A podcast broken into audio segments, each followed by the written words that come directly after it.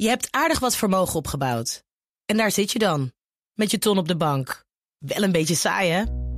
Wil jij, als belegger, onderdeel zijn van het verleden of van de toekomst? Bridgefund is een slimme fintech die een brug slaat tussen de financiële behoeften van ondernemers en van beleggers. Dus wie belegt bij Bridgefund krijgt niet alleen een mooie vaste rente, maar brengt ook ondernemers in beweging. Echt waar, met die ton kan je zoveel betere dingen doen. Bridgefund. Make money smile.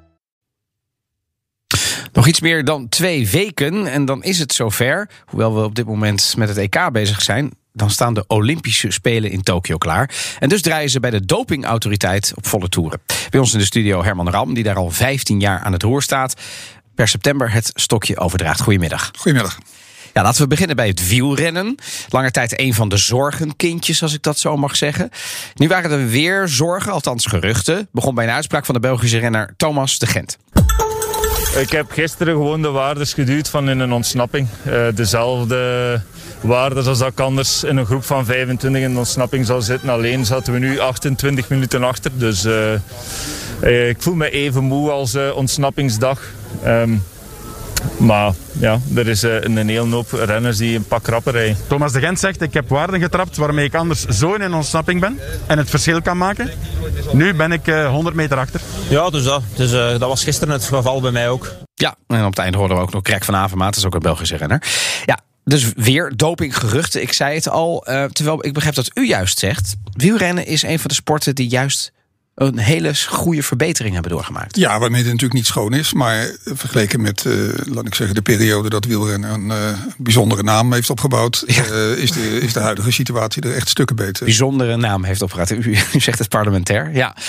Um, laten we even kijken naar, naar de manier waarop jullie dat controleren. Want kijken jullie dan bijvoorbeeld naar uh, wattages? Kijken jullie naar uitslagen? Of zijn, er, uh, zijn, zijn eigenlijk alleen de testen een hele belangrijke graadmeter voor jullie? Of kijken jullie naar meer?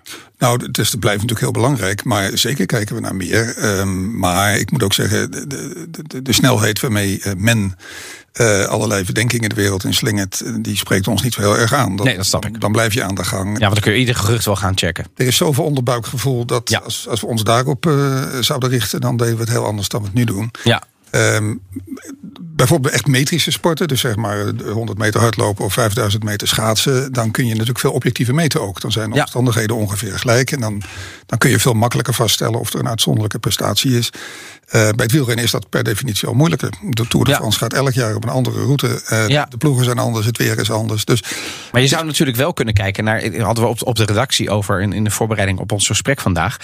Um, in 2004, toen zaten we een beetje midden in dat dopingtijdperk. Ja, als je dan iemand, laten we zeggen, de Mont Ventoux uh, op laat fietsen met, met EPO, ja. want achteraf bekend. Ja. En iemand komt in de buurt laten we zeggen, van die tijd. Ja. Ja, dan zouden niet alleen bij de fans, maar misschien ook bij de dopingautoriteiten alle, alle alarmbellen kunnen afgaan. Nou, alle informatie is informatie en is interessant, hè? dat per ja. definitie. Maar um, er zijn zoveel factoren die meespelen. En niet in de laatste plaats dat er in het wielrennen gewoon veel professioneler begeleid wordt dan vroeger. Ja. Eigenlijk was het wielrennen toch wel heel lang een sport waar renners grotendeels werden vrijgelaten.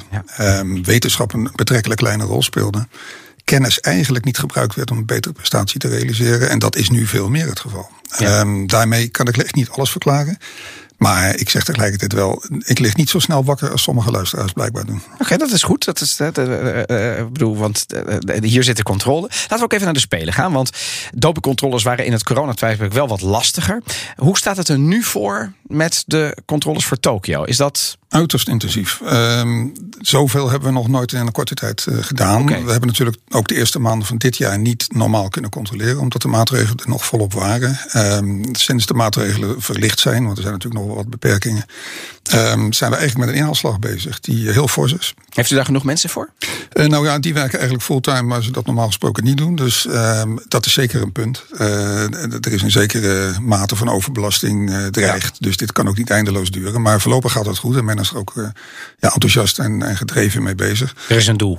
Er is een doel, er is ook een duidelijk doel. Ja. Um, uh, we hebben natuurlijk tegelijkertijd wel wat problemen. Het is sowieso, uh, we kunnen nu controleren, maar we kunnen nooit meer teruggaan in de tijd. Dus dat is een gegeven. Uh, we moeten dat met betrekkelijk weinig mensen in een korte tijd doen. En we hebben nog steeds een hele grote groep sporters waar, uh, waar ja. het op draait. Maar tast dat dan de effectiviteit van de controle aan? Nou, in die zin. Um, stel dat een jaar geleden er ergens iets is fout gegaan, ehm, dan kunnen we dat natuurlijk nooit meer terughalen. Dat is dan een gegeven. Uh, tegelijkertijd dan is het effect ook weg. Dus zo boeiend zal het over het algemeen dan ook niet meer wezen. Wat we nu vooral jullie, hebben. Sorry, jullie kijken dus niet naar recidive. Nee, maar we kijken bijvoorbeeld wel naar, naar, longitudinale informatie, zoals dat zo mooi heet. Oh, met name in het. Uh, is mooi, hè? Ja. Dus met name in het paspoort, uh, het, het, medisch paspoort wat we van renners hebben. Uh, daar kun je eigenlijk over een hele lange periode zien of er, of er schommelingen zijn die, die niet natuurlijk te verklaren zijn. Ah, ja. Dat speelt een hele grote rol op dit moment. de handicap is wel dat we met veel meer sporters te maken hebben dan normaal. kort voor de Spelen, zoals nu, zou je normaal gesproken nog misschien 350 sporters hebben waar je, waar je rekening mee moet houden. We hebben de afgelopen tijd bijna dubbele en zeker meer dan 600 uh, in de gaten moeten houden. Omdat er uh, allerlei kwalificatiemomenten niet geweest zijn. Wedstrijden zijn uitgevallen. Ja. En er zijn veel meer uh, sporters die nu nog steeds een, een kans hebben, hoe minimaal ook. Laten we ook even naar de toekomst van de dopingcontrole gaan tot slot.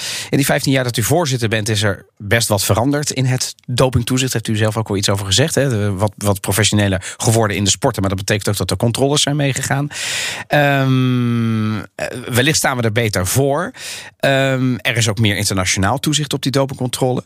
Um, maar ik heb ook begrepen dat het misschien soms iets te veel doorslaat. En dat we daardoor bijvoorbeeld in Nederland niet altijd maatwerk kunnen leveren. Nee, nou dat is wel de laatste tijd zich echt aan het aftekenen. Daar maken we ons zorgen over.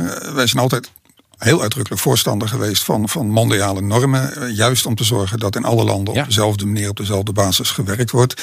Maar inmiddels vinden wij zelf dat dat uh, te klemmend begint te worden. Heeft u een voorbeeld waarvan u zegt? Ja, ik, ik vind, uh, nou ja, neem een internationale federatie die, uh, die Nederland vaak als wereldkampioen ziet. Hockey, ik, ik noem ja, maar iets. Ja, veldhockey, ja. Vanuit, uh, vanuit die internationale federatie is Nederland dus een heel belangrijk land om ook uitgebreid te controleren. Ah, ja. Terwijl wij hockey afzetten tegen andere sporten niet direct het gevoel hebben dat we daar. Daar zit nou alles... niet de. Nee, nee, nee de fruit. Nee. Juist, en daardoor krijg je toch het inzetten van controles wat wij minder efficiënt willen dan we eigenlijk zouden willen. Ja, dus daar wat meer maatwerk. Tot slot kunnen we nou rustig gewoon als neutrale, maar straks natuurlijk als Nederland weer meedoet met de categorieën uh, chauvinistische toeschouwers rustig naar de Spelen kijken straks, zonder ons zorgen te maken dat er oneerlijke concurrentie is? Nou ja, ik raad iedereen aan om in ieder geval naar de Spelen te kijken en plezier te hebben. Maar uh, ja, kijk, natuurlijk kun je niet instaan voor totaal schone Spelen. Dat is natuurlijk volstrekt uitgesloten. Maar tegelijkertijd tijdens de Spelen, en kijk daar historisch naar, is er eigenlijk heel weinig. Uh, zijn eigenlijk relatief zelfs zeer weinig zaken. En tijdens de Tour zijn ze er eigenlijk nooit. Hè. Dat realiseren mensen zich ook zelf. Ja. Maar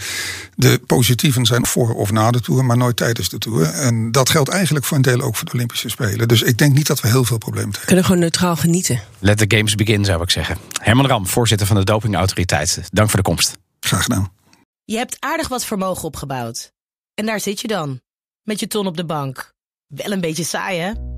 Wil jij, als belegger, onderdeel zijn van het verleden of van de toekomst? Bridgefund is een slimme fintech die een brug slaat tussen de financiële behoeften van ondernemers en van beleggers. Dus wie belegt bij Bridgefund krijgt niet alleen een mooie vaste rente, maar brengt ook ondernemers in beweging. Echt waar, met die ton kan je zoveel betere dingen doen. Bridgefund. Make money smile.